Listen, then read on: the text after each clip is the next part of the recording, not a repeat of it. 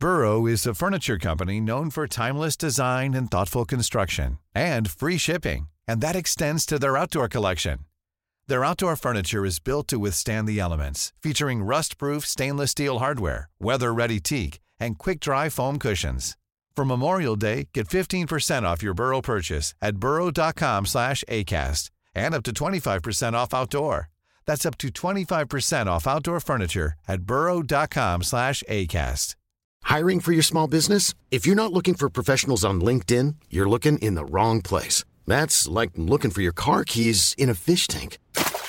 LinkedIn helps you hire professionals you can't find anywhere else, even those who aren't actively searching for a new job but might be open to the perfect role. In a given month, over 70% of LinkedIn users don't even visit other leading job sites. So start looking in the right place. With LinkedIn, you can hire professionals like a professional. Post your free job on linkedin.com slash people today. Ryan Reynolds here from Mint Mobile. With the price of just about everything going up during inflation, we thought we'd bring our prices down. So to help us, we brought in a reverse auctioneer, which is apparently a thing. Mint Mobile unlimited premium wireless. Ready to get 30, 30, bit to get 30, bit to get 20, 20, 20, bit to get 20, 20, bit to get 15, 15, 15, 15 just 15 bucks a month. So, Give it a try at mintmobile.com slash switch. $45 upfront for three months plus taxes and fees. Promo rate for new customers for limited time. Unlimited more than 40 gigabytes per month. Slows. Full terms at mintmobile.com. Hon älskar det där. Babyrytmik, vad är det då? Det är att man eh, är en massa bebisar med föräldrar som samlas eh, i en lokal och, och eh, typ sjunger massa låtar och går runt och ja, fladdrar med skinken och skit som barnen tycker är kul liksom. Och, Låter som eh, Gais uppflyttningsfest. Ja, ganska snarlikt faktiskt. Ganska, det känns ungefär lika galet faktiskt när man tänker hur fan ser det här ut?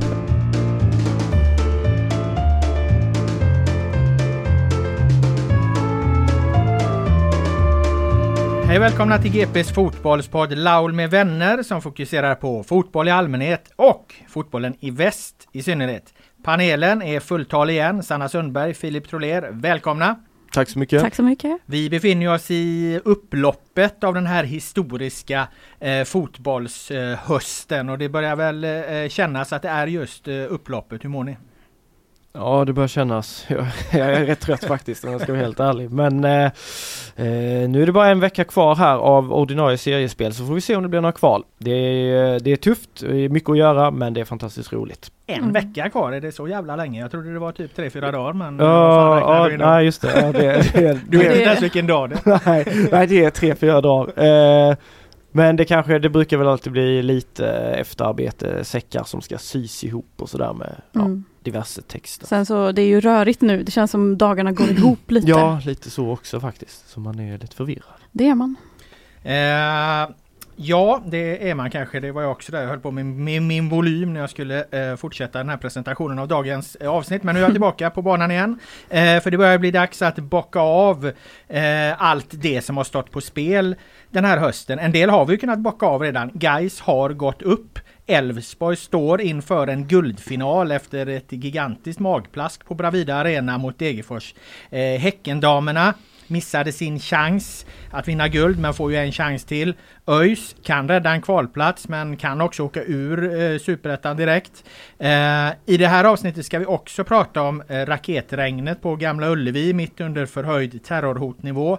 Och naturligtvis skandalen på Bravida Arena där åtta personer tog sig in på inneplanen för att, vad det såg ut som i alla fall, backa upp Ayamusso när han hamnade i tjafs med eh, Malmö FF eh, eh, bänken då och däribland då en närstående till Ayamusso. Så ungefär så, en Svennis-skala ska vi peta in på slutet också, men jag börjar som jag brukar. Är det någon som har någon spaning? Nej, ingen nej, spaning. Det, nej, det är för Det- mycket annat ja, i mitt huvud. Det är så mycket som har hänt så inga spaningar idag. Nej okej, nej men det kan ju vara lika bra det. Vi har ju som sagt en, en, en hel eh, väldig massa del att eh, prata om. Så vi börjar väl helt enkelt med, med det som faktiskt har hänt på, på riktigt då eh, och det är ju guys. Eh, du följde Fi, Filip Troler, du följde guys uppflyttningsfest i helgen. Du var på plats i, i, i Jönköping. Det såg ganska galet ut att döma av, av liksom eh, rapporteringen som följde eh, efter slutsignal där. Vad, vad, vad tar du med dig? Eh, ja, vad tar man med sig? Det finns eh, såklart eh, fantastiskt mycket saker att ta med sig därifrån. Det var, det var en mobilisering. Vi visste om att de hade eh, satsat stort på den här bortamatchen och i och med att Utsikten då kryssade mot Gävle på fredagen så blev det ju faktiskt så att eh, det blev en matchboll som kunde slås in definitivt att, att, att man skulle kunna bli klart för Allsvenskan och 3-4 tusen Gaisar på plats i, i Jönköping. Jag och kollega Fredrik Janlin försökte liksom hänga på och vara nära hela dagen egentligen så vi var ju med och, och följde marschen upp till arenan och sådär när man gick för, upp för backen till, till Stadsparksvallen och tittade ner så så var det faktiskt lite svårt att ta in hur mycket supportrar det var som gick i det där tåget och hur mycket supportrar det var som var på plats. Eh, en mobilisering som, det har säkert hänt någon gång, men eh, av eh, det jag har pratat med Gais-supportrar och sådär så eh, är det inte i modern tid att de har skådat något liknande bortafölje. Och sen väl på Stadsparksvallen så var det ju betydligt mer grönsvart än grönvitt eh, faktiskt. Så eh, ah, det var kokande och, och eh, jäkligt häftigt att få uppleva det och sen när man då, när det blir som det blir på slutsignalen, de var hungriga, Gais-supportrarna var sugna på att springa in flera gånger där i, innan matchen var slut, levde lite farligt där men alla kom tillbaka till sina platser och sen fick de springa in på riktigt och och eh, alltså så är det. Jag tyckte det var samma med, med Häcken och när Guys gick upp i, i, i fjol och eh, från ettan då. Alltså att se den eh, eh, vad fotbollen betyder för människor. Alltså folk som bara bryter ihop fullständigt, står och gråter, de kramas och pussas. Alltså det, det är så mycket kärlek på, på en och samma plats som sker från så många människor. Eh, det är bland det bästa med, med vårt jobb tycker jag, att man får vara med och liksom vara en del och skildra eh, de, de stunderna. Mm. Det låter som att du tog med en hel del från, från den här eh, eh, söndagen. Ehm, Faktum är ju nu då att Guys ska spela i, i Allsvenskan. Eh, eh, 2024, möjligen är frågan för tidigt ställd Filip, men eh, har de något där att göra? Ja det tror jag definitivt att de har. Eh, eh, så länge de håller sig till sin, sin grej, eh, vilket jag har pratat om några gånger tidigare i olika sammanhang den här hösten, men att de tror på sin filosofi, eh, kör, kör på att behålla så, så stor del av den här truppen som möjligt. De har en kärna i, i den truppen som är, ehm, tror jag, tillräckligt kompetent för att stå sig väl i en, i en allsvensk kontext också. Ehm, Klart att det behöver förstärkas. De har redan tagit in ett nyförvärv, Edvin Becirovic från IFK Värnamo som inte har fått mycket förtroende där men som jag tyckte var väldigt bra när de tog klivet upp till allsvenskan. Och det är ju för mig är det där prototypen av en Gais-värvning att eh, en spelare som de ser någonting, de ser, han är extremt snabb, Becirovic, han är kreativ och alltså riktigt så här fartfylld spelare som jag tror kommer passa perfekt i deras fotboll. Och de letar ju efter de där kornen som inte riktigt får plats på de andra ställena men som ändå är hungriga, han är 23 år gammal och, och vill uppåt. Så det kändes 100% som en Gais-värvning och det är väl ett gott tecken att de är igång redan. Eh, och jag tror inte det kommer hända jättemycket. Jag räknar på att det blir en 5-6 spelare in. Det behövs lite nya ytterbackar, någon ny mittfältare, en riktigt bra striker. Eh, och sen beror det lite på om de kan behålla alla de här succéspelarna eller inte. Men kan de göra det och krydda lite, då tycker jag inte det finns några hinder överhuvudtaget för att Gais ska kunna liksom eh, segla ganska stabilt nästa år i Allsvenskan och klara sig kvar eh, utan att det ska behöva vara riktigt dramatiskt i alla fall. Julius Lindberg, kort bara, vad, vad, vad, ja, vad händer med honom? Ja, nej men alltså vi har ju de uppgifterna vi har eh, att, att han har i somras då skrivit på för BK Häcken och att det är en övergång som kommer verkställas efter den här säsongens slut. Så nu väntar man på, på bara på att säsongen ska Ja men lite så och där var ju olika mediebolag som eh, Discovery ställde väl frågan till han efter matchen i Jönköping hur, ja, kan du säga något om din framtid? Och han var väldigt kort där bara nej det finns inget mer att säga än det jag sagt tidigare. Men Sportbladet hade ju uppgifter då, Göran Bolin eh, tyckte väl att det var lite luddigt i hur han skrev att det sägs att det finns någon klausul i, eh, i kontraktet om att skulle guys gå upp, vilket de då har gjort, att han ska stanna kvar. Eh, det är i så fall eh, uppgifter som är utanför min kännedom och vi har ju dubbelkollat med, med alla de källorna vi hade som gav oss uppgifterna om Julius i somras och det är ingen av dem som, som säger att det ska finnas någon sån här mm. klausul.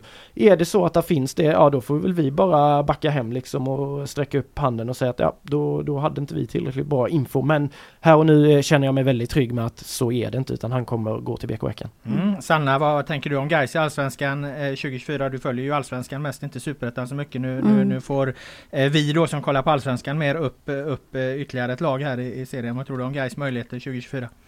Jag tror som Filip att absolut att det finns möjligheter. Jag tycker det är jättekul att de har gått upp och det ska bli jättekul att följa dem nästa år i Allsvenskan och se dem fightas mot eh, större klubbar, bättre lag. Eh, det ska bli jättespännande att se. Så att jag tror absolut på det. Mm. Ja, och det är ju ett roligt gäng också som verkligen sätter färg. Vi kan ju bara se hur de firar liksom när de kommer hem till Göteborg. Fredrik Holmberg, han har väl blivit någon form av eh, legendar i, i Gaiskretsar efter hans vilda firande. Han går ju all in liksom eh, och spelar och le. Alltså de är väldigt, de är väldigt, väldigt avspända i det här gänget. Det är klart att det är väl många när det går bra. Mm. Men jag har upplevt det som att även när det har varit tuffare, typ i somras, när det faktiskt kändes som att okej, de har tappat greppet, det blir inte topp tre ens. Det var hur lugnt som helst, lika, lika välkomna, lika harmoniskt och det lyfte jag också i min krönika efter matchen att det tror jag verkligen är en av nycklarna till att Gais har lyckats. De tar det piano när så många andra klubbar ska hålla på och spela, spela Allan och att det måste vara så professionellt och kantigt och det ska vara svårtillgängligt och det ena och det andra liksom. Fan, de bara kör och ändå gör de själva verksamheten otroligt professionellt, alltså så dedikerade men ändå avspänt och det tycker jag, det ska man fasen eh, hyllas för. Mm, och jag tycker det är ganska unikt också att även fast man inte är på plats så går just den stämningen igenom Mm. när man följer dem utifrån. Och eh, jag hoppas verkligen att de kan ta med sig det till Allsvenskan också så att de inte ändras på något vis där. Att de behåller det här Ja. avslappnande som du pratar Ja om. precis, det är klart att det kommer säkert bli lite svårare. när Ja det blir det ju det ifall, blir- för strålkastarljuset blir ju på ett helt annat Det blir sätt. ju så liksom, och det mediala trycket, alltså helt plötsligt Gais, alltså jag har ju varit mycket på, på Gaisgården i år och det är ju inte ofta, eh, jag kan räkna på min ena hand hur många gånger jag har haft en journalistkollega på plats som har varit där och eh, om det inte har varit från, från GP eller en fotograf utan Men det är klart att konkurrenter som, som till oss då, de kommer ju säkert att vara mer intresserade nu. Allsvenskan är en mer attraktiv produkt och Gais är ett stort klassiskt lag och med tanke på vilka vindar det blåser där också så är det klart att det är fler som kommer få ögonen på dem. Eh, historiskt eller i närtid kan man ju säga att, att lag som går upp i, i Allsvenskan eh, eh ganska ofta klarar sig kvar där. Vi har exempel. Eh, Degerfors gick ju upp eh, till 2020 där. De hängde kvar i tre år. Nu åker de ju eh, dessvärre ur i, i, i år då men de var i alla fall kvar i Allsvenskan x antal år. Värnamo gick väl upp därefter liksom och, och har ju stabiliserat, eller stabiliserat kanske för tidigt att säga men, men de har ju gjort en, haft en otrolig framgångsresa och, och placerat sig eh, runt topp 5 nu i år då så att det är absolut inte omöjligt att göra bra resultat direkt. Men alltså vi har motsatsen också. Vi har så här jojo-klubbar som Brommapojkarna eh, som fortfarande kan ryka i, i, i år då som nykomling. Halmstad brukar ha det krångligt men nu klarar sig Halmstad i år då istället. Så att eh, ja, eh, det, det, det är väl utifrån historien svårt att säga det. Men en sak som du var inne på Filip, tror jag tror är viktigt det är att sätta truppen förhållandevis tidigt liksom så man vet vad man ska jobba med och det inte blir för rörigt. Det tror jag kommer vara, viktigt för ett Eh, för en förening som, som Gais att, att man vet vad det är man kommer ha och man kan jobba med, jobb, fortsätta jobba med den här liksom framgångsvågen som man är inne på. Ja, och som vi har varit inne på många gånger i den här podden också med just relationer, kan du få behålla kärnan? Alltså om nivån, visst att det är skillnad mellan superettan och allsvenskan men så bra som Gais har varit i år jämfört med liksom botten, nedre halvan allsvenskan. Jag kan inte säga att jag tycker det är någon större skillnad i den kvaliteten och kan man då komma in med ett ganska färdigt lag där och addera några spetsspelare och kanske någon utvecklingsbar då, då är man ju på, eh, då står man ju på en väldigt stadig grund och vi kan nämna fler. Mjällby, Varberg klarade sig kvar länge också. De valde sina modeller, Varberg hade en annan typ av fotboll men den höll också i många år fram tills de nu åkte ur och det är efter en otroligt kaosartad säsong. Så och IFK Värnamo måste verkligen vara så här att alla klubbar nerifrån känner att shit kan de då måste vi också kunna. Mm. Så jag tror eh, Gais inspireras säkerligen precis som många andra nerifrån då av, av det de har gjort. Mm. Mm. Värnamo är ett häftigt exempel tycker jag. Verkligen. Ja. Ja det är strålande arbete de har utfört här. Eh, Gais har ju en sista match kvar. Eh, av alla lag eh, i den superettan-tabellen ska de ju givetvis möta Utsiktens BK i den absolut eh, sista matchen som om inte allt annat var, var, var nog. Ett Utsikten som ju fortfarande slåss om, eh, om eh, eh, kvalplatsen då. Eh, kan ju göra en alldeles oerhörd säsong. Ja det har de ju redan gjort får man väl säga. Men, men även om de har tappat mycket. Men eh, ja, de har ju god chans att ta den här kvalplatsen då. Men möter som sagt eh, Gais där. Så att även om Gais inte har något att spela för rent sportsligt så vad väntas det 10 000 till, till Gamla Ullevi. Utsikten med, med allt de har att spela för. Bosko Orovic är ju att förglömma liksom. Det, det, det, det, liksom, det blir en, en, en sorts final här eh, eh, för Gais och, och Utsikten också. Ja men så är det. det om, om man får säga att det finns eh, något som var lite tråkigt med att Gais säkrade Jönköping var ju att vi hade kunnat få den här där det var allt på spel för, för båda två i sista omgången. Men det blir ju en fin karamell ändå i och med att det säljer på som det gör med biljetter och det börjar närma sig 11 000 hörde jag nu precis innan jag gick in i, i podden och kan de upp på de siffrorna, det, det är ju något som guys inte ens på derbyna har varit med om eh, många i den här truppen. Eh, och så kasta in då utsikten som kommer dit efter att ha failat mot Gävle. De skulle ju bara vinna den matchen. Det var liksom den matchen här i slutspurten som man nästan lite så här kände att ja, men den kan vi räkna hem, den vinner de. De har tillräckligt med chanser för att vinna den matchen, gör inte det. Eh, och nu så ska de liksom hämta ny kraft. Öster möter eh, Sundsvall hemma som inte har något att spela för. Utsikten möter Gais borta. Och mm. eh, inför den här publiken och med allt hets och tugg som har varit mellan de två klubbarna under den här hösten där Bosko någonstans har stått på barrikaden. Även om det, jag kan vara ärlig att jag också inte drar mig för att ställa lite frågor om, om guys till honom och sådär så, så har han rätt många gånger också tagit upp det själv. Så det är klart att här är det verkligen make it or break it för, för Utsikten. Eh, tar de en tredjeplats, helt fantastiskt eh, att de ska få spela allsvensk kval. En liten klubb som egentligen sett till storlek lika gärna hade kunnat vara i division 4 liksom. Mm. Sen tycker jag fortsatt, precis som du sa Robert, att de har gjort en fantastisk säsong oavsett hur det här slutar. Men det är klart att någonstans så kommer det ändå mentalt, tror jag i alla fall, den närmaste tiden här efter präglas mycket av besvikelse för att de liksom i så fall vann en match av sista tio och att det slutade väldigt deppigt men ah, de har de får ju försöka pusha sina spelare till att vi har fortfarande allt att vinna trots att det har förlorat saker här under hösten. Precis eh, eh, så är det. Vi ska lämna eh, Guys, vi ska lämna eh, Superettan och vi ska lämna Utsikten. Men jag ska tipsa eh, först här om att om ni vill höra mer om Guys så finns det en länk i avsnittsbeskrivningen till Fotbollstimmen, ett tv-program där Filip Troler pratar oavbrutet i en timmes tid om eh, Guys eh, säsong. Så att eh, eh blir ni inte mätta på Guys snack i, i den här podden så finns det mer där. Eh, samma dag som Geis gick upp i Allsvenskan så åkte ju du och jag Sanna mot eh, Borås. Eh, och väl framme där, eh, ett par timmar senare, då hamnade ju vi mitt i ett drama som eh, överhuvudtaget inte gick att föreställa sig på förhand. Ja, oh, herregud. Herregud vilka timmar vi hade där alltså. Det är nog de sjukaste timmarna jag haft i Borås, om man får säga så. ja, eh, det går ibland lite inflation i det uttrycket att det här är det sjukaste jag sett. Men, ja. men jag måste nästan säga att, att eh, eh, så var det. Mm. Det började när vi kom dit så Häcken mot Malmö spelades ju samtidigt. Mm. Häcken tar ledningen och inne på arenan så det hörs ju så tydligt att Häcken tar ledningen. Alla blir ju så superglada. Mm. Och det är ju riktig guldstämning inne på Borås Arena får man ju ändå säga.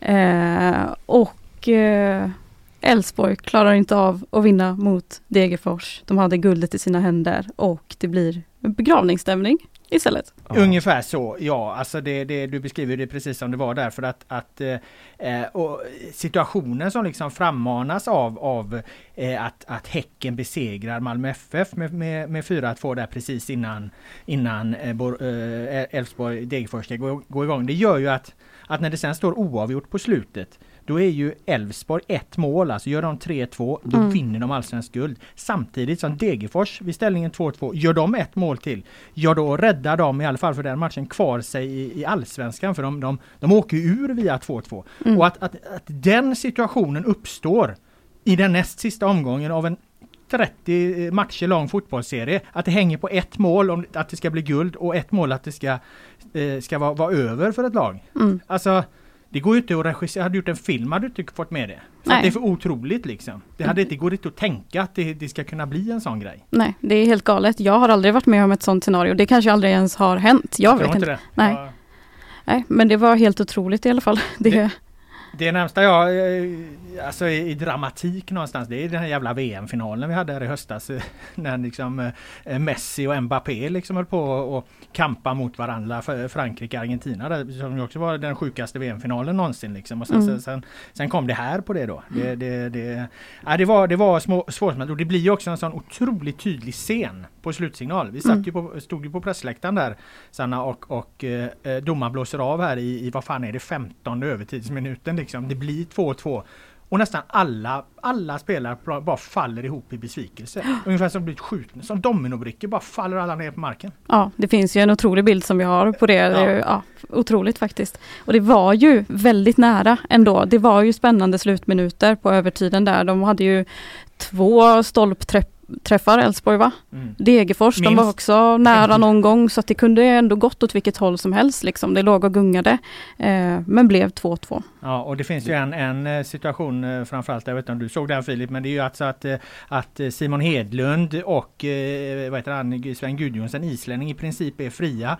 Men Hugo Bolin, mittfältare i Degerfors, utlånad till Malmö FF, född i Borås, tar en jävla löpning som siste man eftersom Degerfors har ju allt folk framåt och vill, vill göra mål. Men den här då från Malmö utlånade spelaren som ju den här matchen betyder ännu mer för. Han kommer ner från, som siste man, stör Simon Hedlund som slår en oduglig passning som, som Sven Gudjonsen inte hinner, hinner ikapp då i ett läge där de i, nästan i princip är två mot noll och gör de mål där så, är de, så vinner de allsvenskan. Ja, det var faktiskt slående att det var just Ja, Hugo det- Bolin. Det, och var sen, så himla eh, tydligt där. Ja och att det var han Gvargis också som också utlånad från Malmö till gör Degerfors som gör målet. Ett snyggt jävla mål också alltså. Eh, ja, jag såg det här för jag var faktiskt när allting var över och det hade lugnat sig. Jag kom hem sent där efter guys. Vi hade varit med och skildrat, skildrat eh, deras fest så satte jag mig faktiskt och, och drog igång eh, Discovery eh, de sista tio minuterna på Elfsborg. Eh, Du tog det i efterhand alltså. Ja, jag gjorde faktiskt det för jag hade läst allt, eh, eller delar av det ni hade skrivit och, och fått beskrivet. Man hade hört på vägen från Jönköping sådär hur, hur, det, hur det var, vilket drama. Eh, och jag fastnade också på den där bilden där de eh, där de ligger utslagna allihopa. Jag tänkte på det VM, där var någon avslutning också på gruppspelet. Tyskland, Spanien, Japan var det. Det var något sånt helt sjukt också där alla lag kunde gå vidare typ och det ändrades eh, liksom scenariot ändrades hela tiden och då ena sekunden så bara skickade de fram allt och ja det var li- lite på det temat också men det här var ju otroligt och och det var, det var fan sjukt att se, det var faktiskt sjukt att se hur två lag som bara skiter fullständigt i försvarsspel, de måste bara framåt, det finns inget, och att Degerfors hade svårt att få ut det här budskapet Ja, ja. förstod jag ju då också, Andreas Holmberg sa i någon intervju liksom att, att de, att de liksom inte kan få fram till sina Nej. spelare, ni måste fram, vi åker skrek ur och skrek annars, liksom och målvakten han höll ju på nästan att maska liksom. Ah, han hade inte ah. fattat det liksom. Ja, ja, ja, galet, galet, galet. Ehm, och, eh, alltså besvikelsen nu när vi mötte dem i mixade zonen eh, Sanna, då hade de väl hämtat sig lite grann spelare. Klart var de, de uttrycker besvikelse i ord Mm. men de var ändå professionella och så. Men, men eh, du är väl nere i mixade när de kommer in direkt efter matchen. Alltså för att den en enorma besvikelsen och frustrationen över att de alltså det enda de behövde göra för att vinna allsvenskan det var att besegra på hemmaplan Degerfors. Du får ju inget, inget lättare Mm. guldchans än att göra just det. Liksom. Nu ska de till Malmö en jävligt svår guldfinal som vi ska Mm. komma in på strax. Men, men alltså den också den, fan vi missade det här. Vi, alltså vi klarade inte av det, vi gjorde det inte. Mm. De, de, det, jag var inte nere i, i mixade där men de, vad jag förstod så var de inte glada. Nej, absolut. Jag, så fort som eh, domaren blåste av matchen så sprang jag ner eh, i spelartunneln för att eh, se liksom reaktioner och sådär när de sprang in i omklädningsrummet och det, då, jag hörde ju inte för att det var en glasvägg emellan men man såg ju hur de gestikulerade och eh, nästintill skrek liksom ut deras frustration när de var på väg in i omklädningsrummet så man fattar ju den besvikelsen liksom. Det måste ju varit otroligt för dem. Ja, tänk det, du, du- du har guldet, du ska besegra liksom allsvenskans näst sämsta lag. Du, du, du har varit bäst hela året och så får du inte mer än 2-2 på hemmaplan. Ja, de ska ju vinna med 16-1 liksom mot Degerfors. Ja, i alla fall 6-1. ja. Ja, nej, det är klart. Och man såg också bilderna på, på tifot och hur arenan hade fyllts upp och allt det där. Det, det var ju guldvibes över det liksom på, på alla sätt och vis. Men eh, nej, det ska göras jobbet också. Det gjordes inte. Nej, nu måste de ju då förvandla eh, besvikelsen till eh, eh guldbränsle i och med att eh, för alla andra, oss, oss som följer det här objektivt, får vi en otrolig avslutning på Allsvenskan. Vi får en ren eh, guldfinal. Det är sjunde gången i Allsvenskans eh, historia det händer. Det hände 2009 mellan IFK Göteborg och AIK. Det har vi pratat om tidigare här när AIK var på Gamla Ullevi och vann med eh, 2-1. Sen får du backa tillbaka till liksom 60-talet, 50-talet ett par gånger. Någon, något på 40-talet och något på 30-talet tror jag också när, just Elfsborg då i den första allsvenska guldfinalen någonsin eh, eh, vann, om det var mot Malmö, eh, har jag för mig att jag läste. Eh, det är alltså en guldfinal då när båda lagen kan vinna det eh, i den absolut sista matchen och de möts. Det är ju alltså då bara Hänt sex gånger tidigare och det blir den sjunde guldfinalen eh, genom tiderna då eh, ska till, till, till Eleda stadion i Malmö. Vad är, vad är senaste nytt eh, kring Elfsborg? Har du, har du hunnit eh, uppdatera dig kring det Sanna? För att eh, eh, det var ju lite skadefrågetecken på Niklas Hult med flera i Elfsborg. Ja, ja men det stämmer. Det kanske känns lägligt att börja lite med det då för att eh, eh, mot Degerfors då så klev ju ytterbacken Niklas Hult och mittfältaren Emanuel Boateng av. Eh, Niklas Hult berättar efter matchen att han några dagar innan matchen hade drabbats av ett ryggskott eh, och att det var det som kändes då under matchen. Jag tror det var den 17 minuten eller något sånt bara som han fick kliva av och eh, Emanuel Boateng fick en känning i baksida lår. Eh, och eh, inför guldmatchen nu då så ser det ljust ut för båda. Jimmy Tillin har sagt att han ser positivt på det eh, och att han räknar med att de kommer spela båda två. Och även Niklas Hult sa till Expressen igår att eh, han också räknar med att spela. Så att det är ju jätteviktigt för Elfsborg, kanske till och med avgörande skulle jag säga. Speciellt Niklas Hult, att han kan vara med och spela för att där finns det ingen supertydlig eh, ersättare. Nej.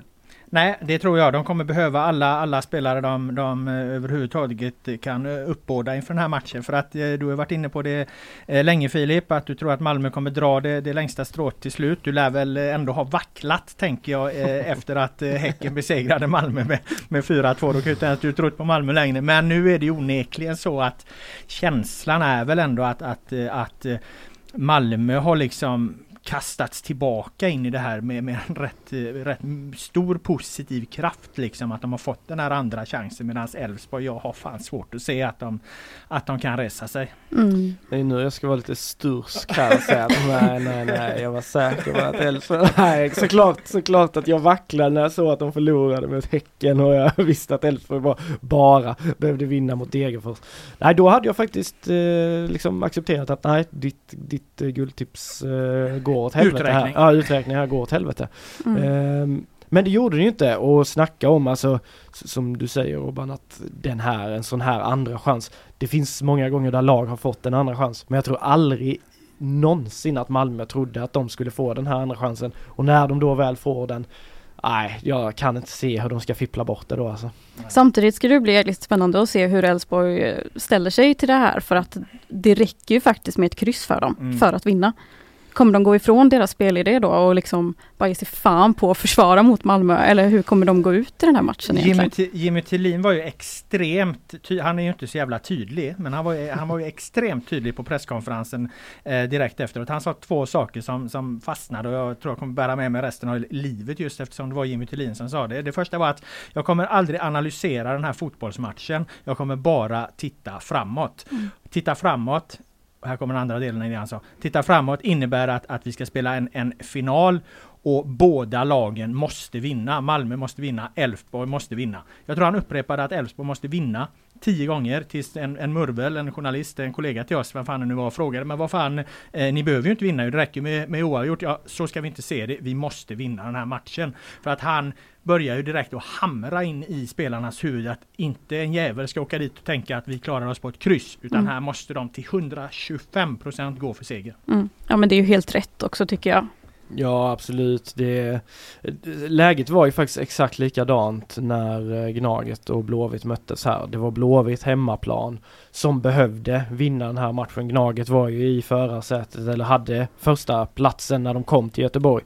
Eh, och när Flavio var det väl som gjorde det där 1-1 målet så så då var ju de hemma igen liksom. Men jag tror ändå det är helt rätt av Jimmy Tillin att han approachen till den här matchen är så för annars är det lätt att man blir lite sådär Spela försiktig. på kryss liksom. Nej det är ju farligt. Det, liksom? Alltså det är klart att de ska ha med sig det när vi börjar snacka 75 minuten liksom. Det är klart att Elfsborg inte ska toksatsa då men det, det som jag ser talar för Elfsborg ändå det är ju att Malmö kommer ju med den publiken de kommer ha i ryggen och det spelsätt som de har. Eh, de kommer ju bara blåsa på allt de har och det bästa som finns för Elfsborg det är ju när de får ställa om i och med att de är ruskigt bra i den delen av spelet. Så det är väl det som talar för dem, men jag tror ändå att Malmös kvalitet liksom, den, den är för stor för att de ska, ska gå på det. Ja, det Ja. tror jag också. Jag är beredd att också hålla med. I den här podden ska vi gå vidare med de kanske lite tråkigare delarna då. Eh, och då hamnar vi ju som vi har gjort hela det här året egentligen på ÖIS. Eh, detta eh, sorgebarn i Superettan. De har ju hankat sig fram mot en avgörande sista match här nu.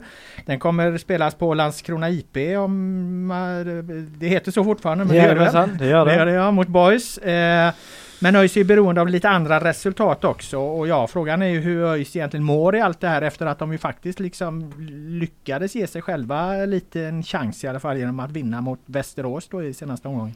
Ja precis, Jeffrey Aubin är ju inte längre deras huvudtränare heller, det har vi väl inte konstaterat i denna podden. Det har vi kanske inte. Eh, Men eh, det har har vi ju det. skrivit, ja precis, och skrivit om det på, på gp.se i tidningen. Men eh, Xabier, eh, Ruiz och Kända har ju tagit över den man som eh, inledde säsongen som utvecklingsansvarig i akademin. Nu rattar han alltså headcoach eh, uppdraget eh, för en klubb som kämpar för sin elitexistens och eh, En match, en seger en match och en seger, tre, tre, tre poäng i snitt. Eh, ja, ganska skapligt va? Det, det vinner du guld och upp, tar uppflyttningar på sådär men... Hur många dagar hann han vara deras huvudtränare Ja, då? nej, det var väl en va? Ja, Jag tror det var det. Så, nej men det, så här, det är väl klart att det kanske inte har så mycket med han att göra men det, det är ändå faktiskt så att Jeffrey fick nog, sa upp sig, ville inte vara en del av ÖIS 2024, erbjöd sig att vara kvar säsongen ut. Ledningen väljer då att nej vi tar bort dig, eh, arbetsbefriar dig.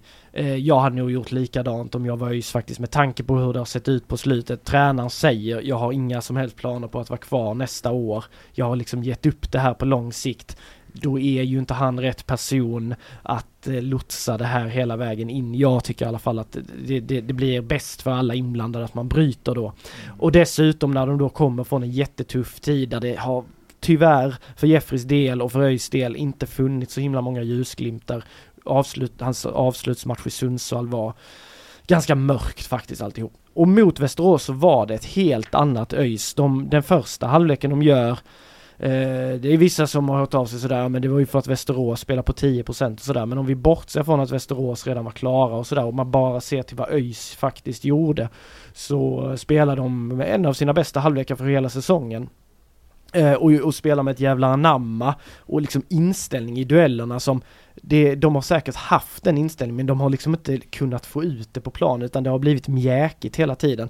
Nu bara satsar de, alltså det var några monsterlöpningar från Daniel Paulsson han tog hemåt eh, när de hade gått högt med mycket folk och man såg hur alla bara följde honom liksom. De slet och stred som djur och sen i andra halvlek det var inget skönspel men de kunde ändå behålla lugnet och VSK fick aldrig riktigt den här forceringen och de var ju aldrig desperata då så mer då tycker jag väl att det kanske märktes att VSK, ja, de går lite på halvfart. Men i första halvlek då var det ändå ett VSK som kom ut, började bra sådär men ÖIS tog tag i det och det var ett nytt ÖIS. Det såg lite ut eh, som att det var en blöt filt som hade lyfts från dem liksom.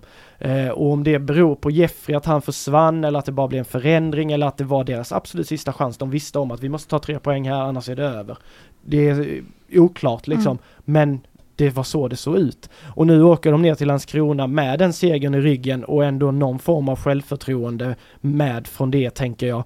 Men det är klart, Skövde är före dem eh, och Jönköping är före dem. Eh, Jönköping ska spela Brage borta, Skövde möter HIF hemma, Skövde är otroligt bra på hemmaplan. Jag tror de kommer vinna den matchen. Även om HF inte är riktigt helt säkra från kval så tror jag Skövde blir för svåra för HF att ta där. Så då är det lite Jönköping ÖIS hoppas på. Dels att de då ska vinna över Landskrona och sen får då Jönköping eh, Ja de får väl inte ens ta poäng tror jag. Eh, om jag har räknat rätt nu. Eh, det är tight som fan. det är tajt som fan. Mm. Jag tror inte de kan ta poäng ens. Det som talar till ÖIS fördel är att Jönköping verkar ju vara en förening i totalt fritt fall där de alltså har kickat hela ledarstaben nu inför sista omgången. Sportchefen Barney får inte ens visa Nej, sig i närheten nej, av en träningsplan. Nej, det var my- mycket, mycket märkliga turer där, ekonomin i spillror, allting var, och det tyckte jag märktes också, jag snackade med lite J Södra folk där efter guys och alltså de var så uppgivna sa att det var. Så jag, jag tror ändå ÖIS, de har en reell chans här. Jag hoppas att det blir mycket supportrar som stöttar dem nere i Landskrona för deras del och att de kan få den backningen och Landskrona är inget lag du bara vinner över, men de har inte sett så bra ut på sistone. Så det finns gott om hopp för ÖIS eh, trots allt. Eh, och sen är AFs inblandade i det också. Jävla soppa är det. Mm. Men eh, chansen finns och liket lever om man får säga så. Mm, och du ska dit Sanna till Landskrona IP. Och Landskrona är ju i samma läge där som du var inne på Filip, som Västerås där egentligen. De har inte så jävla mycket eller någonting egentligen att spela för utöver sin, sin heder. För de kan ju varken gå upp eller ner i, i, i, i tabellen. Så är det ju och det får man ju se som något väldigt positivt för ÖIS och också om man ser till Landskronas senaste resultat. Eh, förlorade med 4-0 mot Örebro va? Mm, Som är där ja. nere och kämpar också i tabellen. Ja, de har väl säkrat sitt nu tror jag. Möjligt att de kan Ja. på kval fortfarande, men ja. Nej, är och det är ju ofta så i slutet av säsongerna. Det ser man ju liksom de lagen som har, alltså man tittar ju gärna på hur högt upp och långt ner i tabellerna. Men de lagen som har någonting att spela för, de är ofta svårare motståndare. Vad fanns det på Mm. Elfsborg som inte eh, kunde leverera mot ett Degerfors? För Degerfors hade extremt mycket att spela för. Mm. Så att det, det, ibland är det ju helt enkelt så. Västerås som, som eh, Filip var inne här på här, för, hade ju heller inte att spela för mot ÖIS. Nej. Så att det är ju en jävla fördel som ni nämner att de möter just Landskrona. Ja, sen är det ju om Landskrona kanske kände att de var på liksom gränsen att skämma ut sig där uppe i Örebro lite någonstans ändå sista hemmamatchen de ska stänga säsongen. Jag tror ändå inte de, de kommer inte ställa ut skorna men när det kommer i de här skarpa lägena, det är ju då man ser Finns desperationen där eller finns desperationen inte där?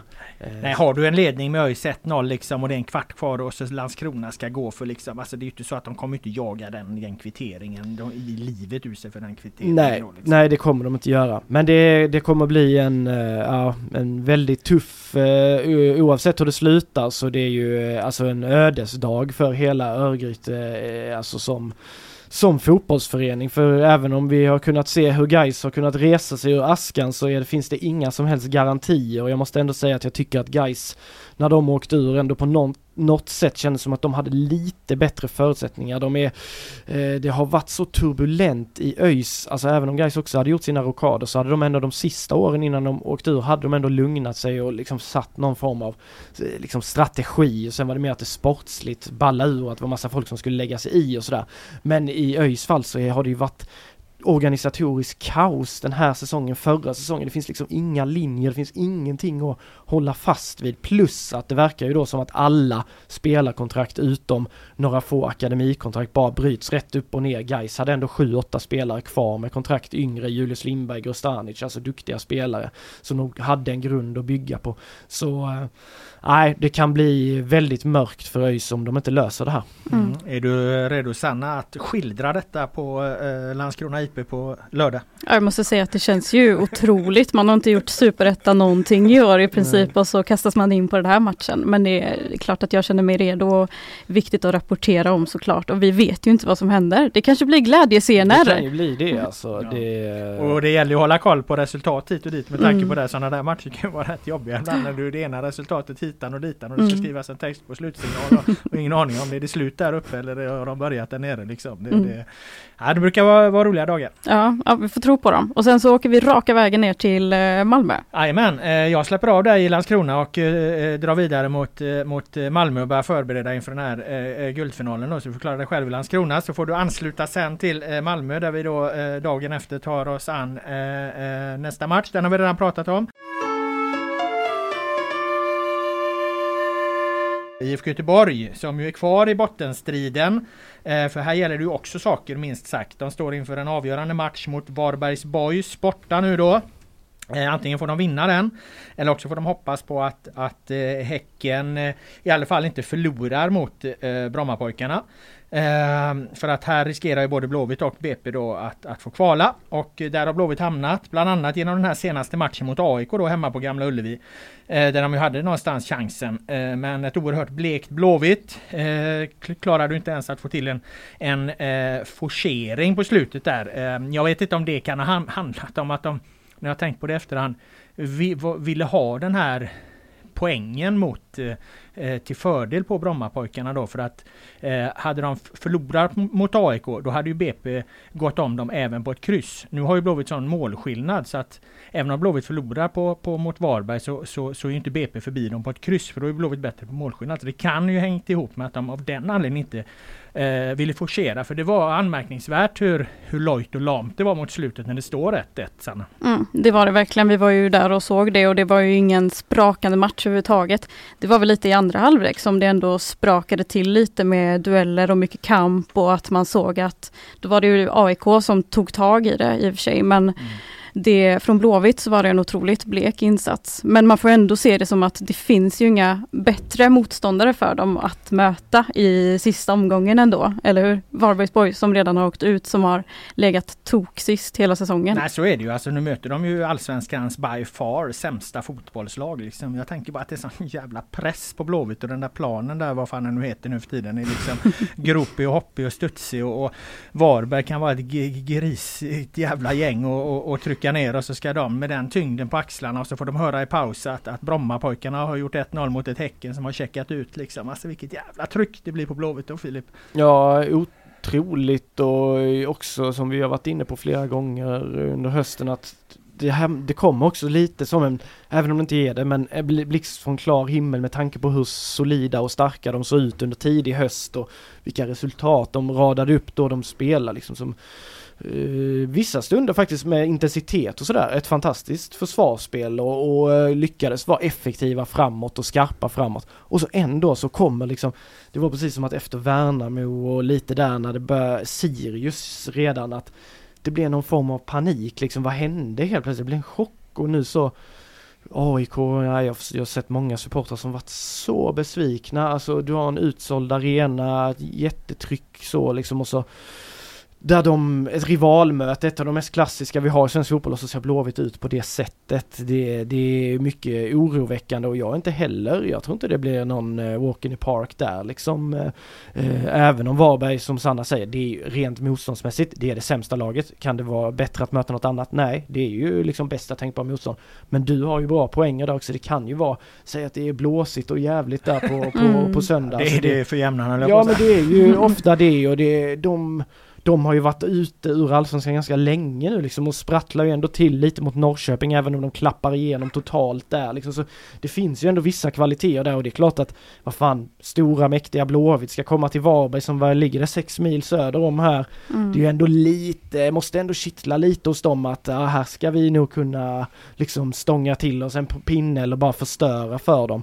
Eh, och så tänker man, tänk så hamnar då Blåvitt på kval att BP skulle vinna över Häcken, att Häcken går lite halv, halvfart där.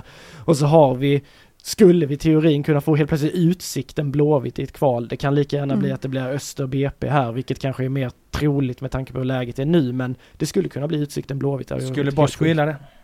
Jag tror Bosko hade älskat det. Jag tror faktiskt det. Alltså är det något lag som jag tror eh, hade passat Utsikten nu just för att Blåvitt är så trubbiga framåt så tror jag de hade fått lite problem också med Utsiktens när de har sitt sånt här man-man-spel och också grejen att de får möta Blåvitt, alltså vi minns Västra Frölunda när de mötte Blåvitt 2002 jag var bara 12 år gammal men jag minns de matcherna för man, man tittar ju på allt det där. Och Västra Frölunda var ett bra lag då så länge de liksom spelade så Blåvitt var inte givna på något sätt. Sen kom det ju ett par mål där och sen blev det väl ganska stor differens till slut men allt kan hända då så Nej, och, och, just det här att Blåvitt inte har känts beredda på det här. De har känt som att, ja men stormen är nog över lite, men så är den inte det.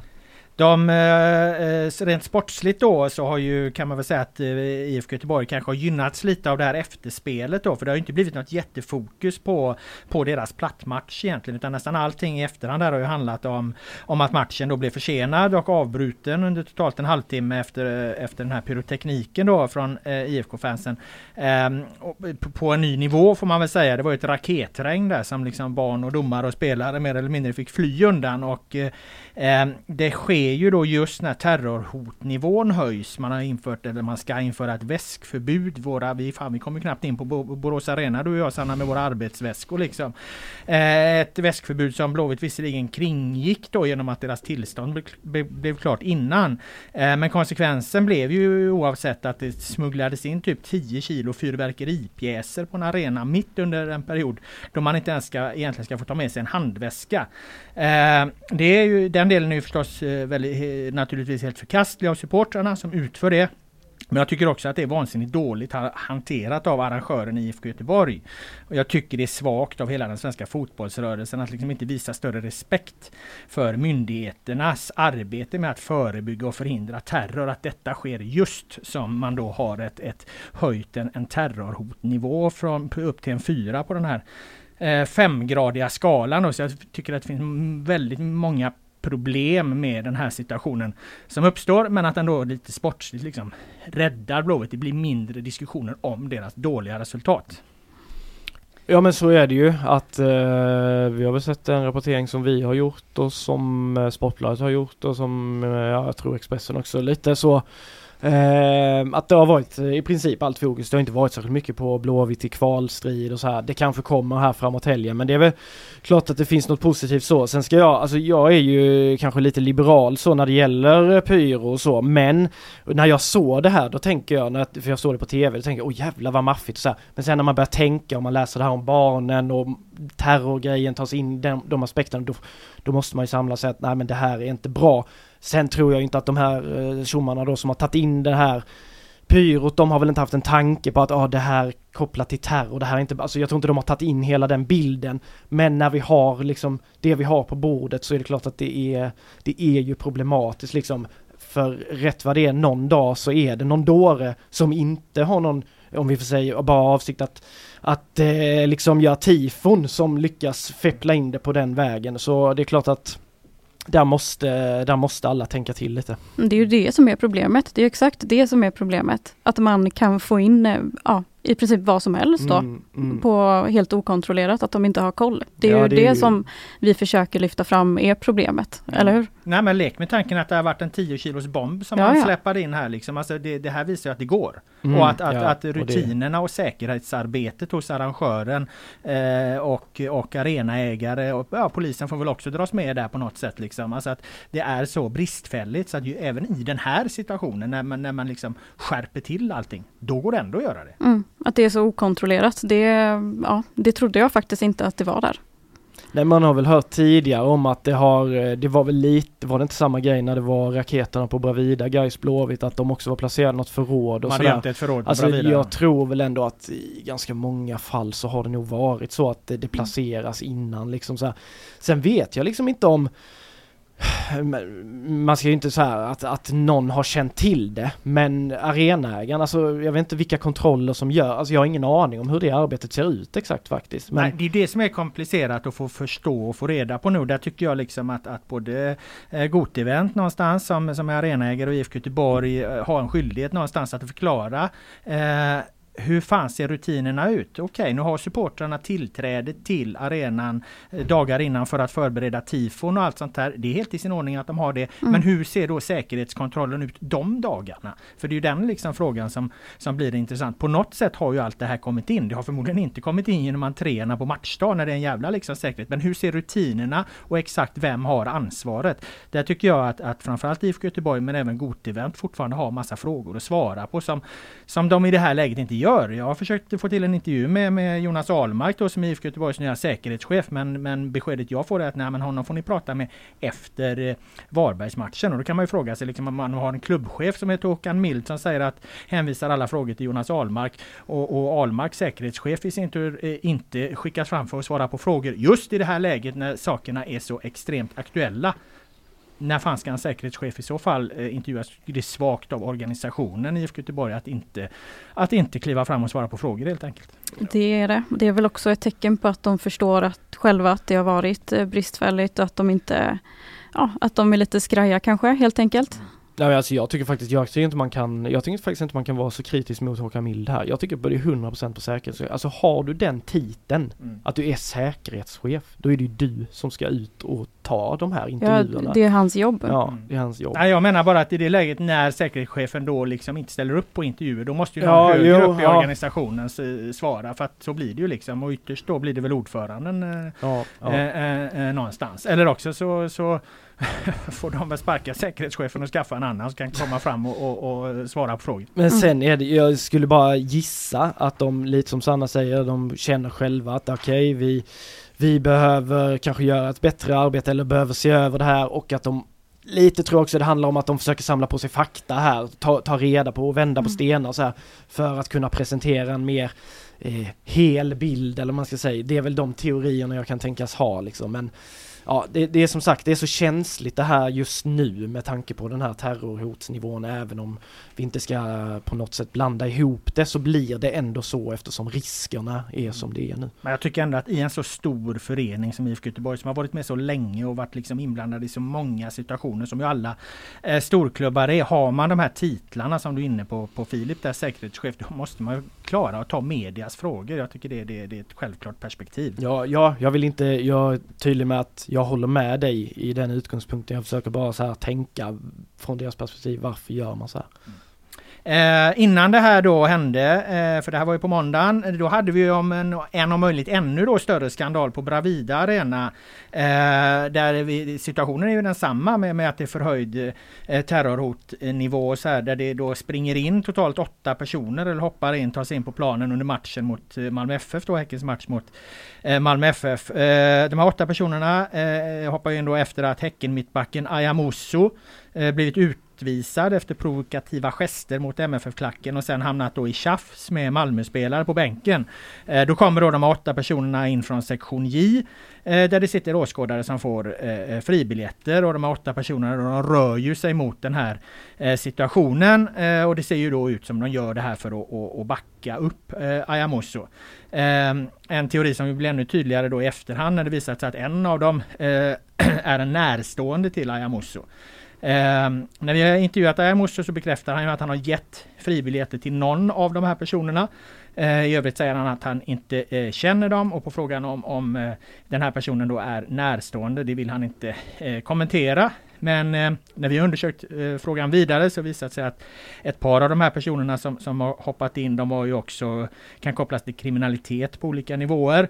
Eh, det finns eh, eh kopplingar till gängrelaterad brottslighet och det är alltså just de som tar sig in på planen då. Eh, och den situationen är ju, är ju oerhört allvarlig för den visar ju någonstans hur nära de här världarna har kommit varandra, fotbollen och gängkriminaliteten. För vi, vi vet ju sedan tidigare liksom att eh, kriminella gäng och så här är jävligt intresserade av fotbollens eh, affärer. Så att när man ser bilden ovanifrån så, så, så blir ju också den här situationen väldigt, väldigt allvarlig. Egentligen allvarligare än den här rakethistorien skulle jag säga. Ja, absolut. Ja, håller jag med om. 100% jag tycker det är betydligt mer allvarligt faktiskt. Även om liksom nu gick det ju väl med de här barnen och så, de verkar ju glada och så, men det var ju ändå i närheten här. Men nej, jag tycker inte heller någon diskussion. Det här är läskigare. Det här är mer allvarligt. Inget Ja, snack. Man alltså. undrar ju vad de tänkte. Vad, vad skulle de in och göra på planen egentligen? Vad var tanken med det? Nej, alltså det... Nej, det går bara att spekulera. Ja, Ja, det- de ja. hoppar ju in för att backa honom. Ja. Liksom. Alltså, jag kan inte se någon annan anledning för dem. Det är ju liksom när, när, när Osso då börjar tjafsa med de här Malmöspelarna så, så droppar ju de in från en annan del av arenan. Så, att, Mm. så att vad, vad är det annars liksom? Mm. Vi kan ju se också sektion J som du sa, det är ju precis eh, sektionen där bredvid vi sitter på pressläktaren. Mm. Eh, Så att de har ju kommit in den vägen då också. Ja, och där är ju minimal eh, kontroll så eftersom som, som den här situationen har ju aldrig varit ett ämne tidigare, liksom att det ska komma personer och särskilt inte då där, det i efterhand påvisas liksom, eh, personer med koppling till kriminalitet och ska hoppa, liksom, komma in på planen. Liksom. Den, den, den var ju Häcken uppenbarligen helt eh, o- oförberedda på och, Mm. och just det kan man väl kanske inte klandra dem så jävla mycket för för fan har resonerat i de här banorna tidigare. Eller jag menar, såg du det komma Filip? Det gör man nej, inte riktigt. nej, det är klart att det, då sitter man ju här och ljuger om man säger att man såg det komma. Sen eh, vet jag inte liksom hur säkerhet ser ut. Det, det brukar ju ofta vara koncentrerat med vakter och så vidare till de olika kortsidorna för att det historiskt sett är oftast där det, det hoppar in någon och sådär eh, när det sker. Men eh, någonstans kan jag väl ändå tycka att är du arrangör för ett elitidrottsevenemang av den här digniteten då ska du inte, åtta pers ska inte bara kunna traska som att de går in på en division 6 eh, match liksom och går in på planen. Så enkelt ska det inte få vara. Så det tycker jag ändå Häcken får ta på sig. Men jag var precis som dem verkar vara helt eh, oförberedd på det här. Mm. Sanna, du var ju ute på GPA då, Gothia Park Academy, Häckens träningsanläggning i, i veckan och gjorde en intervju med eh, Ayamuso. Ja precis, jag åkte dit i tisdags för att eh, se om han var där. Jag tänkte att jag skulle kolla på träningen och sen framförallt då snacka med han. Eh, laget tränade ju inte där men eh, eh Ayam då, han åkte på en smäll eh, mot huvudet i samband med att han blev ja, kanske inte i samband med att han blev utvisad, men i den matchen i alla fall som gjorde att han körde rehab på GPA ändå, så att han var där. Eh, och jag så fick... alla andra tränar på, på Ullevi och, ja. och, han tränar själv på GPA och du åkte dit? Ja, bra. så det var ju en bra slump ändå. Bra journalister har tur.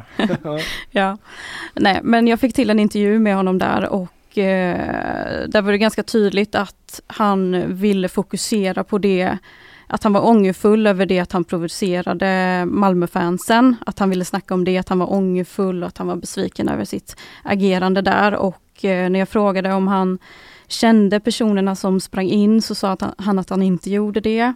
Eh, när jag frågade honom om han hjälpt till att fixa biljetter så sa han att han har hjälpt någon med biljetter, så att det, det är också en ekvation som inte riktigt går ihop. Eh, och sen så frågade jag ju också om, eh, för då hade vi fått de här uppgifterna redan då på att det var någon närstående till honom som var en av de åtta som hade hoppat in och då sa han eh, att han inte ville kommentera det. Eh, jag frågade varför han inte ville det och då sa han att han ville fokusera på det agerandet mot Malmö klacken då, att han provocerade dem. Liksom, att det var det som han tyckte var grejen och det som han ville snacka om. Mm. Uh, ja. Jag tycker det var en väldigt bra intervju för det första. För det andra kan mm. jag förstå hur Ayamuso resonerar i läget. Han liksom svarar ju mer utförligt på frågorna eh, där han själv äger agerandet så att säga. Att vad han gjort, liksom sin mm. provokativa gest. Han tar på sig ansvar, han tar på sig skuld för det. Han ska ha cred för den delen av intervjun. Eh, jag tycker också att övriga eh, svar, förutom det där när han säger att han känner någon av dem, det, det blir fel för honom. Så att, så att, det var ju lite liksom klantigt av honom så. Ehm, men, men det finns ju en poäng i att han kan ju inte ta ansvar för några värdera andra människors handling eh, och, och eller människor, andra människors bakgrund eller med andra människor överhuvudtaget såklart. Men problemet är ju att i det ögonblicket eh, personer närstående till honom tar det beslutet att hoppa in under en allsvensk fotbollsmatch med kamerabevakning och alla undrar vad fan är det som händer? Då spelar det ingen roll ur ett nyhetsperspektiv längre. Då blir ju liksom nyhetsbedömningen att här måste alla, här måste vi berätta vad fan är det som sker. Liksom. Mm. Det är det enda beslutet som går att ta ur ett eh, medieperspektiv. Och jag tror också att det är det enda beslutet som läsarna våra skulle acceptera. Att ni måste eh, berätta vad fan är det som händer där. Ja, ja, nej det är ju inget, annars hade ju vi inte gjort vårt jobb och de hade undrat vad, vad är detta som pågår. Och sen jag har ju varit inne på det några gånger tidigare i podden att jag tycker att eh, vi har för låg ribba för vad supportrar blir provocerade av från spelare och jag, jag vill ha ganska högt i tak där så jag tycker man kan få men Sen är det ju dumt gjort och det blir ju extra dumt när han då blir utvisad och det är onödigt så här. Men jag tycker inte det är så farligt men de som fattar det korkade beslutet det är ju de här som kliver ner och går in på plan och där får vi också ge Ayam att när han ser dem så blir han ju väldigt liksom förbannad, ser det ut som i alla fall, och liksom visar bort härifrån, vad håller ni på med? Ser det ut som att han liksom gestikulerar och sådär. Han förstår väl i det läget att okej, okay, det här konsekvenserna av det här ja, kommer ja. inte bli bra. Nej, man, man kan ju tänka sig att han, för han fattar ju liksom att shit, här kommer de, hur ser detta ut? Han vet ju, han har ju varit i gamet så länge, även om han är ung, liksom att hela fotbollssveriges blickar var på den här matchen i den här stunden och så händer det. Eh, så eh, Ja, och sen alltså applådera Malmös klack med, med värdet på den här matchen och att han har ett gud, alltså så här. Ah, det, det är ju dumt såklart liksom. Och det är verkligen det. Eh, vi diskuterade hur, hur Blåvitt-ledningen hanterade sin, eh, sin liksom skandal där. Vi ska prata, eller jag ska nämna lite om hur jag ser på att hur Häcken agerade. För även om jag tycker att den här situationen i grund och botten är allvarligare, det som sker på Bravida, att, att, att, att liksom kriminalitet och fotbollsvärldarna, eh, det, det, blir ett exempel på, det kan ses som ett exempel på hur nära de har eh, kommit eh, varandra, vilket vi har sett andra exempel på i veckan med, med, med Sportbladets intervju med, med Masiri Yadama då Universal Scouten då som ju alla som är intresserade av fotboll naturligtvis har, har för, förmodligen har sett och läst och så. Ehm, men, men, men det jag tycker Häcken ändå gjorde bra det var ju att de går ut direkt och säger vi har stängt av eh, fem personer, arrangörsavstängning direkt. Eh, de har svarat på frågor, säkerhetschef svarar på frågor, klubbchef svarar på frågor, sportchef svarar eh, på frågor och även Aya Musso ställer ju upp på, på din intervju då Sanna. Så det är en oerhört allvarlig situation men de har liksom, de har liksom hanterat den tycker jag på, på, på ett, ett Eh, ett sätt eh, som jag tycker är bra ur ett krisperspektiv eh, då. Men det kvarstår ju att det finns ju uppgifter på att de här personerna som hoppat in, i alla fall några av dem, tidigare har rört sig både i pressutrymmen och VIP-utrymmen och omkring där vi sitter. Så att hela situationen någonstans visar ju att även om Häcken svarar bra på frågor så har de väldigt mycket att jobba med. Mm. Det tror jag att de kommer göra också nu. Det tror jag verkligen. Jag har svårt att se något annat och jag håller bara med dig. Det känns som att Häcken hade inte kunnat göra någonting annorlunda just i den här situationen, att de har gjort det exemplariskt faktiskt. Jag vet inte, alltså jag vet inte hur länge detta har för, för alltså om det är sen Ayam kom tillbaka eller när det är liksom en Ja, det är väl svårt som klubb kanske att göra den här liksom bakgrundskollen liksom på men Men någonstans har de ju ändå ett ansvar. Det är ju de som är arrangör. Det är de som har ansvaret för vem vistas var, vem, alltså det, Så någonstans Ja, det finns ändå lite mer. Ja, de har ett arbete kräva, att göra. Definitivt. De har alltså. ett arbete att göra. Ja. Eh, 100 procent. Ja. Men det är väl eh, kanske lite så naivt, lite som vi andra att, att de var inte förberedda på det här liksom. Så det är väl så men mm. Själv att de, att de, jag tycker ändå att eh, så länge man kommer ut och att man eh, liksom är tillgänglig för att svara på frågor, vi har pratat om de här sakerna tidigare, då, då tycker jag ändå då har man liksom, då har man gjort någon form av bas för ma vad man kan förvänta sig i den här situationen. Sen finns det då bevisligen saker som Häcken definitivt måste jobba med. Mm.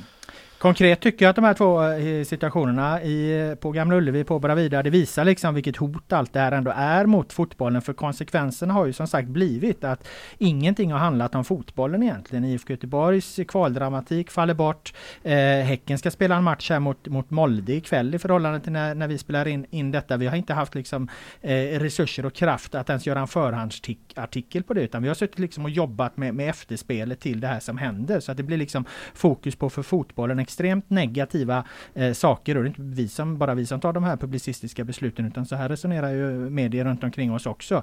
Eh, I förlängningen så innebär ju det liksom att det kommer skapa en, en, en för fotbollen väldigt eh, negativ bild och även om publiksiffrorna som vi har berört många gånger är på jävligt upp, uppåtgående eh, så, så, är det ett hot mot fotbollen om det fortsätter så här och, och, och eskalerar och blir ännu värre. Ja, och då, då tycker jag väl framförallt eh, det här som hände på Häcken, för det är ju något annat. Alltså att det har varit tifon som har gått, eh, vi kanske inte har haft det i samband med att det har varit ett terrorhot på den här nivån, för det tycker jag ändå är det, det som är mest allvarligt i det här. Vi har ju tidigare sett tifon som har varit på den här nivån och, och jag köper att man kan, i och med att det är olagligt så köper jag att man tycker att det är fel.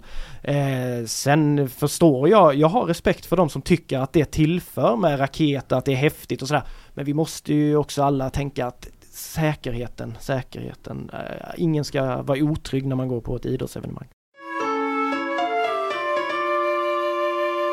Så är det. Eh, det var våra ämnen vi hade här idag. Vi har hållit på i, i, en timme snart här så att vi ska faktiskt runda av som vi alltid gör. Eh, vi ska göra det med en Svennis-skala. Eh, Filip Trolé, du ser ut som att du tänker skjuta från höften i vanlig ordning. Sanna Sundberg, du har datorn uppslagen. jag har mitt, mitt lilla fusklapp här. frågan är vem ska börja? Känner du dig sugen? jag är alltid sugen. Ja. Då kör jag. bra.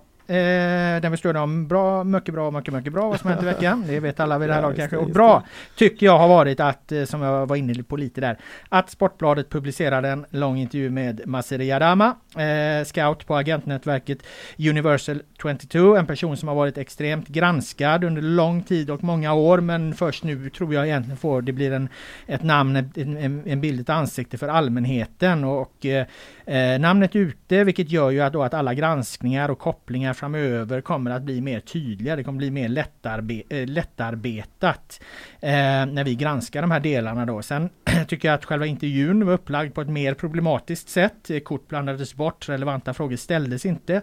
Så där tycker jag att det blir lite bakläxa för Erik Niva. Men bra att han fick fram Jadama ur gömmorna och, och eh, att den här intervjun någonstans går till.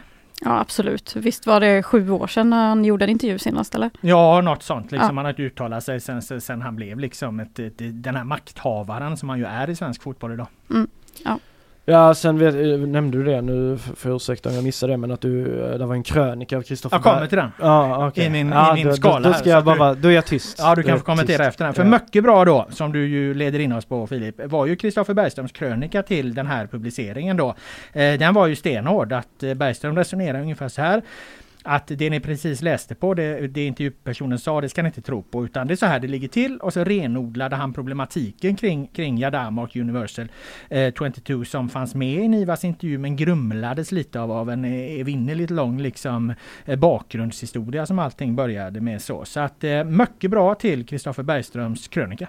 Ja, det, det håller jag verkligen med om. Det var dit jag ville. att eh, i och med den så tyckte jag att eh, paketet ändå som sådant eh, funkade liksom. Mm. För att han gjorde det så klart och tydligt i den. Hade den saknats, det hade varit en annan sak, tycker mm. jag. Ja, jag håller med. Men sen kan man ju också diskutera, ska det behövas egentligen en krönika om det som komplement? Nej, egentligen ska det ju inte det såklart. Nej. Nej, men det var väldigt bra att den kom i detta fallet, så jag håller med. Det, då blev det bra paketerat. Mm. Eh, mycket, mycket bra då. Eh, ska jag ta upp en annan intervju, nämligen din Sanna. Eh, du fick tag på Ayamusso, du ställde frågorna som skulle ställas vilket bidragit till att eh, GP kunnat rapportera som vi har gjort här och det är ju det som är journalistikens eh, vad ska vi säga, innersta kärna egentligen. Att ställa frågorna, ställa frågorna, redovisa svaren, låta allmänheten göra sin bedömning. Så mycket, mycket bra till din intervju med Ayamusso Sanna. Mm, mm, mm. Ska jag instämma? Ja, ska du instämma också Sanna? Det var mycket, mycket, mycket, mycket bra tyckte ja, Sanna herregud. att den här var. Tänk om jag hade kört den själv på min egna svenningsskala skala på jag, alla tre punkter. Det hade jag velat se nästan, ja. eller höra. Det hade varit nu lite... fick du det här istället och det ser ut som du håller med Filip. Ja, ja, ja för fan. Jag håller med. Det var mycket, mycket bra. Härligt. Mm. Eh, det var min svenningsskala det. Då är det nästa, nästa på, på rakning här. Mhm, mhm. Ja, Filip, nej, men jag kan köra, spelar ingen roll. Ja, kör, kör.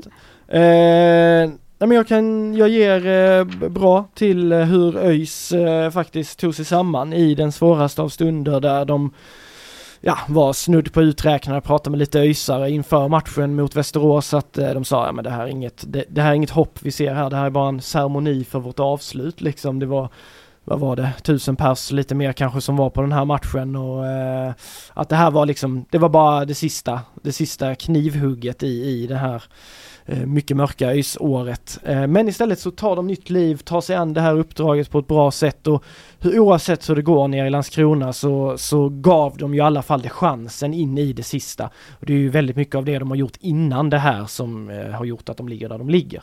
Men eh, bra repat av ÖIS. Mm. Eh, bara att skriva under på det. Eh, mycket bra.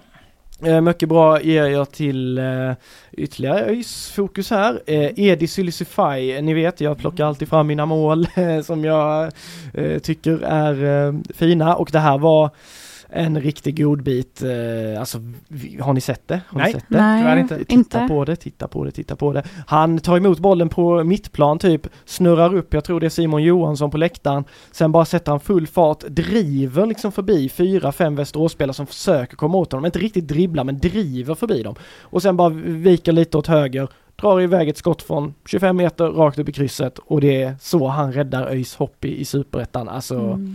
sanslös delikatess. Han själv jämförde sig med Maradona.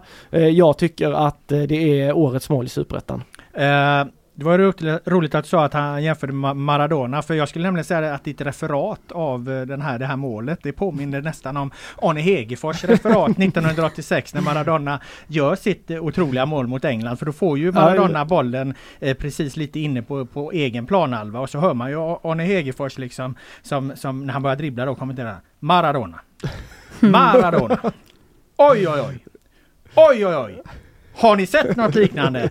Det här är VM-historiens mest fantastiska mål någonsin. Det sätter Arne Hegerfors när det händer liksom. Och det har ju borrat sig in i mitt tioåriga pojkhuvud där liksom. Så Ja. jag kommer aldrig glömma det. Nej jag hör ju hur du bara, du bara prickar det. det är liksom, nej, riktigt lika stilfull vet jag inte om min rapportering av det här målet var men ja, jag kanske skulle köra så, Sylisify. Får du göra nästa Ja, jag får öva, öva på den lite grann. Ja men det var kul att du kopplade till det då, för då låg det ju kanske någonting i det som Silly sa kanske, själv då. Kanske, kanske, kanske. Fast han är nog för ung för det också. Så Ja, att, eh, jag tror det. Men uh, sjukt ändå att han sa Maradona, Maradona. Men det, det, är inte, det är inte första gången som han gör ett snyggt mål. Nej, han sa det också att jag gör bara snygga mål. Det är ju ganska Ja, kaxigt. Liksom. Ja, Ja. Men det, det ligger någonting i det. Han gör ofta jäkligt snygga mål. Alltså. Jag har också den bilden Ja. liksom att eh, jag kan inte riktigt sätta fingret på det men det, det, det, det, det känns rätt. Ja, det har varit cykelsparkar och det har varit volleyskott och sådär så det är kvalitet och så viktigt för ÖIS att ha den spelaren. Han har gjort fem mål för dem nu tror jag den här hösten. Han har inte varit där så länge, spelat sju starter tror jag, eller åtta starter. Det där, det där kan ju faktiskt vara det som i slutändan Mm. räddar dem liksom till ett kval. Hur fan toppar du ett Sulicify drömmål i det läget nu? Med mycket, mycket bra. Ja, ja, men är det Gais ja? Gais det det Allsvenskan. det, men det, det, är väl, det är väl givet och i, framförallt så vill jag eh, jag vet Robban du är inte så glad för pyro och sådär men Fredrik Holmberg när han kör en bengal i käften hoppar upp på någon supporters axlar, sitter där och är helt galen. Alltså det, den bilden, den bilden var flera supportrar och vår fotograf Pelle Wahlberg som var där och eh, Gais fotograf så här som fick den här, alltså bara det är ju en dåre av rang, alltså han, han spelar ju för fan med sitt liv där nästan. Men det var så mycket guys, det var så mycket guys uppflyttning och den vilda glädjen som var den kvällen och jag blir faktiskt, alltså jag blir verkligen berörd av att se hur mycket fotbollen betyder för, för människor.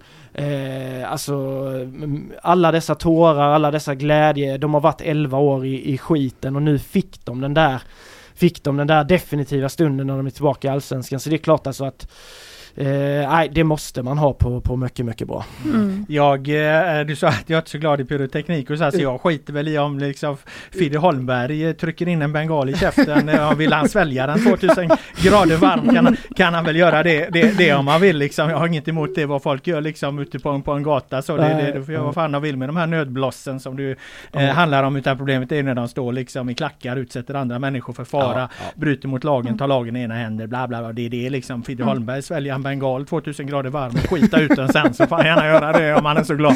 Var, var han nära på att svälja den Nej här? det väl- hoppas jag inte, men han sa väl själv till kollega Janlin här att ja, jag trodde nog det var en cigarr. Så nej, han har blivit eh, väldigt folklig den här helgen Fredrik Holmberg, otroligt älskad av Gaisupportrarna och stora delar av fotbollssverige har nog fått upp ögonen för honom för det var ju någon viral video på honom också på TikTok som hans, vad blir det, svägerska Josefin Rybrink la ut från när han satt och följde Utsikten Gävle. Det var, det var mycket passion i den gubben då, det kan man säga. Ja, ja, eh, större lär han bli nu när Gais kommer upp i Så Allsvenskan. det, Så, vi får så anledning att återkomma till honom. Vi tackar dig för din svenningsskada Tack. Filip. Och eh, Sanna, du får äran avsluta allt idag. Ja, det är sjukt. Det känns som att jag börjar, eh, brukar börja annars, men Ja. eh, nu slutar jag. är det. Grand Final. Ja, ja, ja. Eh, bra har jag tagit eh, guldmatch i Allsvenskan för sjunde gången genom historien. Det känns... guldfinal, ja, ja, det behövs väl egentligen inte utvecklas så mycket utan det är bara otroligt att man får vara med om det. Att vi får vara med om det, att, att rapportera om det, att, eh, att det händer helt enkelt. Ja, vi har ju fått våra akkrediteringar godkända nu till den här matchen. Du ska veta att jag vet inte om det är sant. Det kan ha varit en, en fake liksom. Men det var ju snack om att det var biljetter som såldes för, för, för liksom tiotusentals kronor till den här matchen. Så att, att du och jag Sanna kommer sitta på, på första parkett och, och, och, och uppleva det liksom. Alltså Mm. det här kommer vi komma ihåg i, i många år framöver. Jag minns ju 2009 IFK AIK där liksom. Öppet sår för många människor i den här stan liksom. Det, det var en otrolig mm, match på alla möjliga sätt liksom. Mm. Och nu får vi vara där på första parkett. Ja, ja, jag kan tänka mig att det kommer bli magiskt. Men jag Ja. såg också det här med biljetterna, att det var någon som sålde sin biljett för 3 5 tror jag det var. Det är Ja. ju Fan, jag helt slog otroligt. 25 000 men jag vet inte om det var sant. Oj, ja. Ja det har varit helt sjukt och det är ju alltid, det är ju trist tycker jag, alltså att det dyker upp de här fula fiskarna som ska hålla på och Mm. spela med supportrars känslor, liksom den största matchen i, i många supportrars liv och så är några, ja jag säger faktiskt kräk som kommer och Mm. håller på och ska usch, äcklas av det faktiskt. Ja så är det, det är rätt. Eh, det var, vi, vi ska inte skratta bort det så det är bra det ins, inspelet där men det visar ju någonstans liksom digniteten när det blir sådana enorma summor Mm. liksom på ett jävla tryck. Ja. Och sen så fort det finns pengar då kommer det alltid fula fiskar Mm. och ska, Mm. ska liksom förstöra. Så är det ju tyvärr. Ja, Mm. Nej, jag är fett avundsjuk på er att eh, jag kanske ska dra någon slags presskort här. Ah, fan, du måste spana på de här lagen och åka till Malmö. Jag tror det är tufft att ta sig in Ja, på ja, den pressläktaren. Jag, Jag jag såg några Nej, som nej, hade nej, någon, någon besvikelse Nej, som så- uttryckte att de hade fått nej. Liksom. Ja, ja, nej men herregud, jag, jag har inte någon, någon rätt att sitta där. Det är ni som har slitit med med Elfsborg det här året som, som förtjänar att få, få den stunden. Så eh, njut av det. Men du ska kolla på matchen eller? Definitivt. Jag har hört av min uh, kära chef Joakim Magné att jag verkar som att jag kommer få en fri söndag. Det är helt sjukt. Åh, jag. Oj! jag tror jag har jobbat nio, tio raka helger här eller någonting. eh, Så nu jävlar när... Jag tror du skulle köra in i kaklet men Ja, du ja, kliver ja, av. ja men det är, inte, det är inte självvalt här. Petad sista, sista helgen.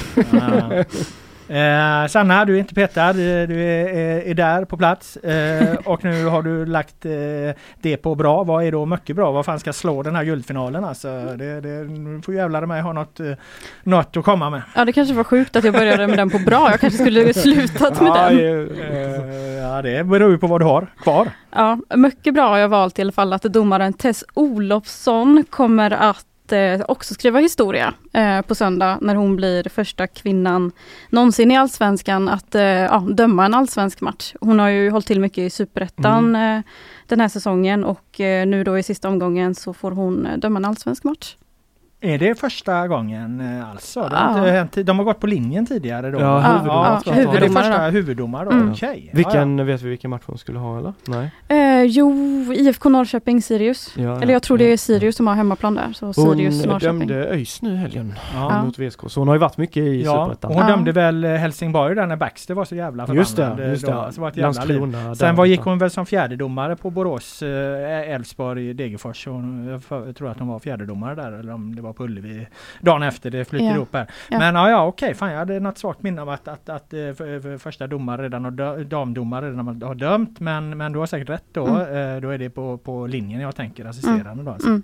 Ja, men det är ju mycket bra Ja, såklart. Ja det är klart, det slår Ja. fram guldfinalen i historiskt perspektiv får man väl kanske nästan säga nu. Det har ju trots allt varit sju guldfinaler, sex guldfinaler tidigare medan det här är unikt då. Det är Ja. ändå 100 år. 100 år i Allsvenskan. Nästa år eh, fyller ju Allsvenskan 100 år. Eh, och att hon då kommer in här på det 99 året. det är mäktigt. Ja, då lär de ju få mer förtroende Ja, ja, nästa säsong jag. också tänker man ju. Absolut. Eh, Okej, då ska du toppa det, här nu då. Ja men det kommer jag göra. Det, mycket, mycket ja, bra. det känner jag mig faktiskt helt lugn med att jag kommer Oj, göra det också. Vad Ja. händer nu? Oddevold! kommer hjärtat fram. Ja, Oddevold tillbaka i Superettan. Det känns ju underbart. Det är ju mycket, mycket bra. Ja, det, Ja, då, det, då, då, då älskar man det laget. Mm. 1996 senast så var de i Allsvenskan, Mm. mitt födelseår. Ja, Eh, sen året efter det så åkte de ner till Superettan och sedan dess så har de varit nere i de eh, nedre serierna och eh, huserat. ja. Då får du se till att bevaka premiären då fram i eh, mars eller vad det nu blir. Ja, vi får väl se om vi har några lag i Superettan ja då. precis. Eh, Vi kanske är tomma på Superettan-lag nästa säsong. Ja det kan vi faktiskt vara. ÖIS kan åka ur Utsikten kan Det är fortfarande ännu gå större anledning att bevaka Oddevall. Precis, vi får tänja på gränserna här nu. Eh, Ännu fler lag in i vår bevakning. Underbart. Nej, men det är klart att du ska vara, vara på den eh, matchen i alla fall. Mhm. Vi- Tycker inte ni att det är kul då, att Ja, Oddevall är tillbaka? fan, jo, jag tycker det. Men du har pratat om Oddevall tidigare och jag, jag är ju en gammal Ljungskile-spelare Ja, va? får- Och, och, Mm. och även om liksom Ljungskile bara var en klubb jag var i och passerade så är ju alla de här klubbarna man har varit det blir ju en liten bit av ens hjärta och har du då varit en Ljungskile-spelare då har du inte mycket till övers för Oddevall tyvärr. Apropå Ljungskile och ettan, jag får bara avsluta det här avsnittet med att eh, kolla in den bottenstriden. Kolla Jag in den den. bottenstriden! Var det sex lag på typ samma poäng? Ja, va? på 31 poäng tror jag. Ja, och så något på 30, något på 29, något på 32. Alltså det kommer ju bli en sjuk, och jag tror det är en omgång kvar. Och det kommer bli den sjukaste avslutningen på en serie någonsin. Till och med den sjukaste superettan får se sig besegrat här. Alltså. Och den sjukaste eh, Elfsborgs eh, Ja, Degerfors den med. grejen här. Det har Alltså, varit- Jesus varit ett alltså. sjukt avsnitt detta. Det Ja, kanske det- blir rubriken. Ja, det är nog fasen det alltså. Men äh, kul med Oddevold för Sanna Sundberg, vi gläds med dig. Tack så mycket! Ja, bra. Eh, bra, då låter vi det vara slutorden. Jag tackar er. Jag tackar dig Filip. Tackar Tack. dig Sanna för Tack att ni var här med era kloka inspel och synpunkter. Jag tackar alla som har lyssnat. Laul med vänner är tillbaka nästa vecka med ett nytt avsnitt. Ha det bra så länge.